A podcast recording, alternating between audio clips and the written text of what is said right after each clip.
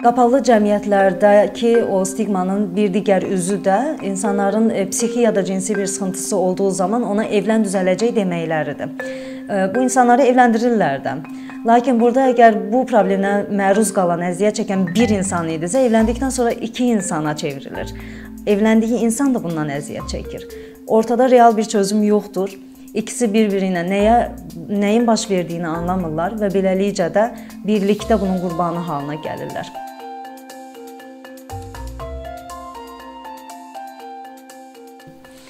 Qapalı cəmiyyətlərdə insanların psixi və cinsi sağlamlığı üçün mütəxəssis arayışına girməyi çox çətinləşən bir hal alır. Çünki kifayət qədər stigma var və bu stigma səbəbilə insanlar bir addım geriyə çəkilirlər.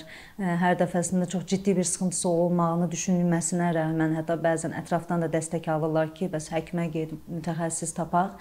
Amma yenə də orada nə ilə üzləşəcəyini bilmədiyi üçün və biraz da sosial mediada, qohumlarda, qonşularda bu barədə çox stigmatizasiya e, danışıqları olduğu üçün, yəni damğalayıcı, ayıblayıcı, utandırıcı insanlar geriyə çəkilmək məcburiyyətinə hiss eləyirlər. Belə olduğu halda da ə, hazırda onun mübarizə apardığı problem hər nə qədər ciddidirsə, zaman keçdikcə, müdaxilə edilmədikcə daha da ciddiləşməyə başlayır və başqa simptomlar da üzə çıxa bilər.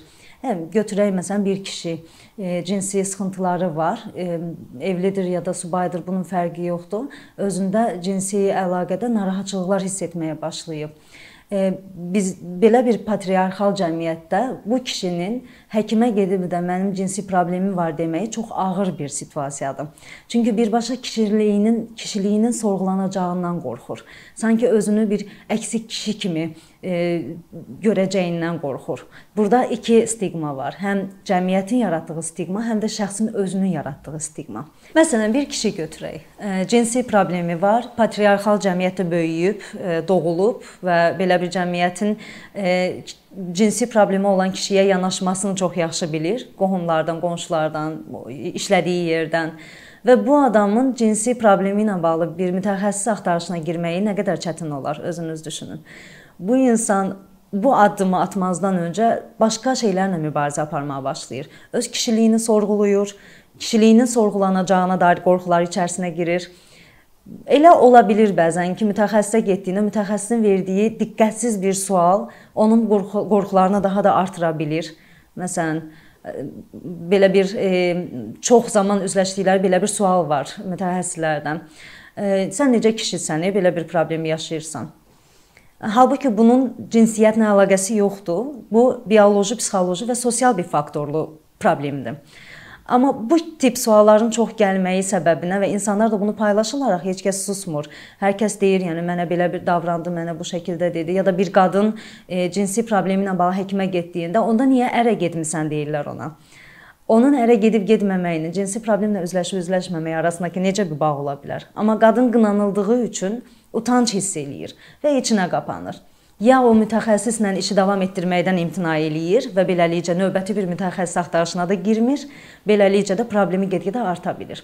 Yəni cəmiyyətin yaratdığı stigma bəzi qısa bir müddətdən sonra insanın özünə yönəlik yaratdığı stigmaya gətirib çıxardır və beləliklə də içinə qapanıqlıq, depressiyanın artımı və insanların probleminə çözüm axtarışını deyil də tam tərsi bunu udmağa çalışmağına gətirib çıxardır. Beləliklə də fiziki problemlər, psixi problemlər bir-birini daha da birini doyurmağa başlayır, gücləndirməyə başlayır və bu insan üçün mümkünsüz hala gəlir artıq bir e, həkim ya da mütəxəssis axtarışına girmək. Qapalı cəmiyyətlərdəki o stigmanın bir digər üzü də insanların e, psixi ya da cinsi bir sıxıntısı olduğu zaman ona evlən düzələcək deməkləridir.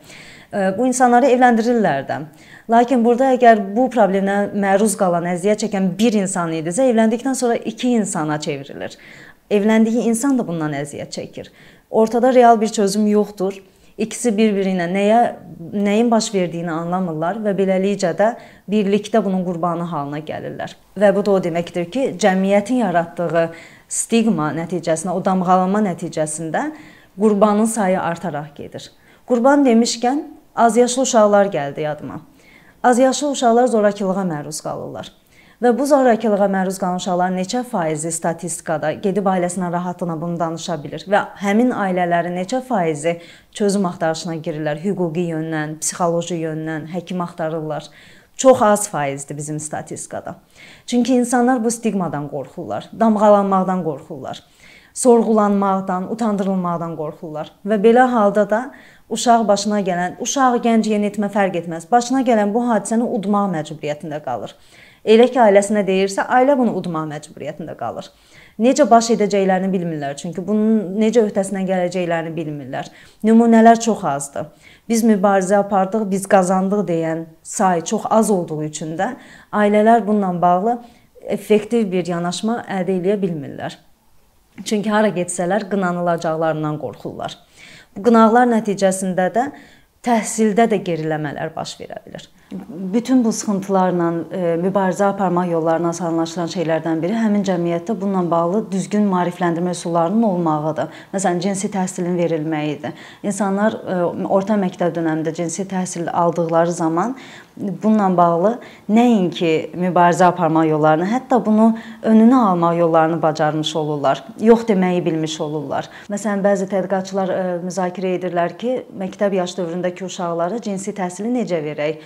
şərt olaraqmı verilsin, yoxsa ümumi mövzu içərisindəmi keçsin? ABŞ-da aparılan tədqiqatda bəzi əyalətlərdə cinsi təhsil tətbiq edilməyə başladı.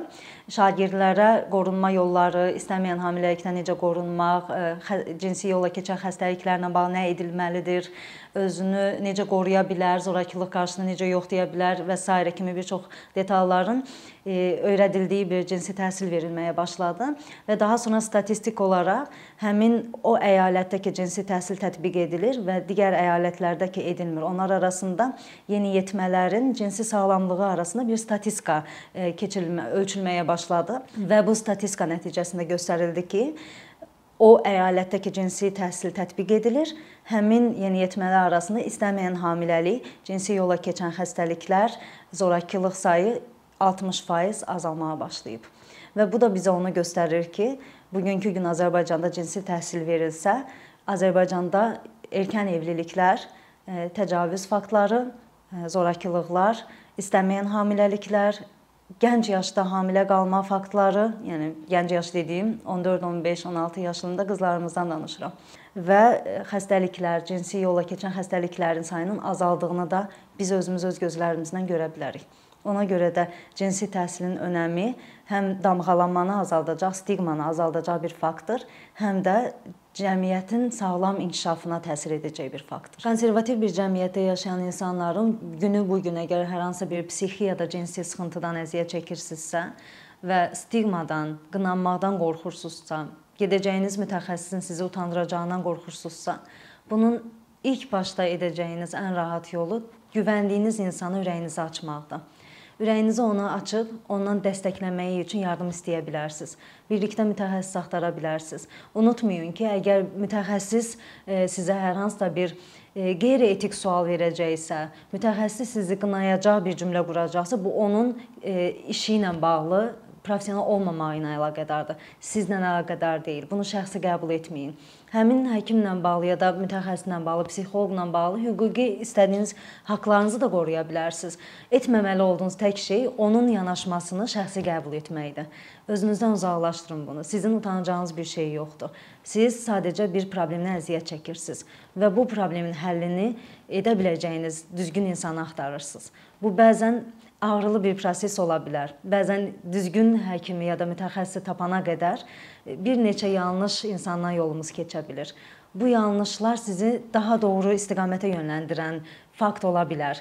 Bunu e, pessimizmə yozmayın. Bunu özünüzü günahlandıracaq bir cümlələr içərisində beyninizə salmayın. Çünki özünü günahlandırma, özünü stigma etmə, özünü əksik görmə, bütün bu yanaşmalar sizi probleminizə qapanıb özünüzü daha da e, gücsüz və çarəsiz hiss etməyinizə səbəb ola bilər.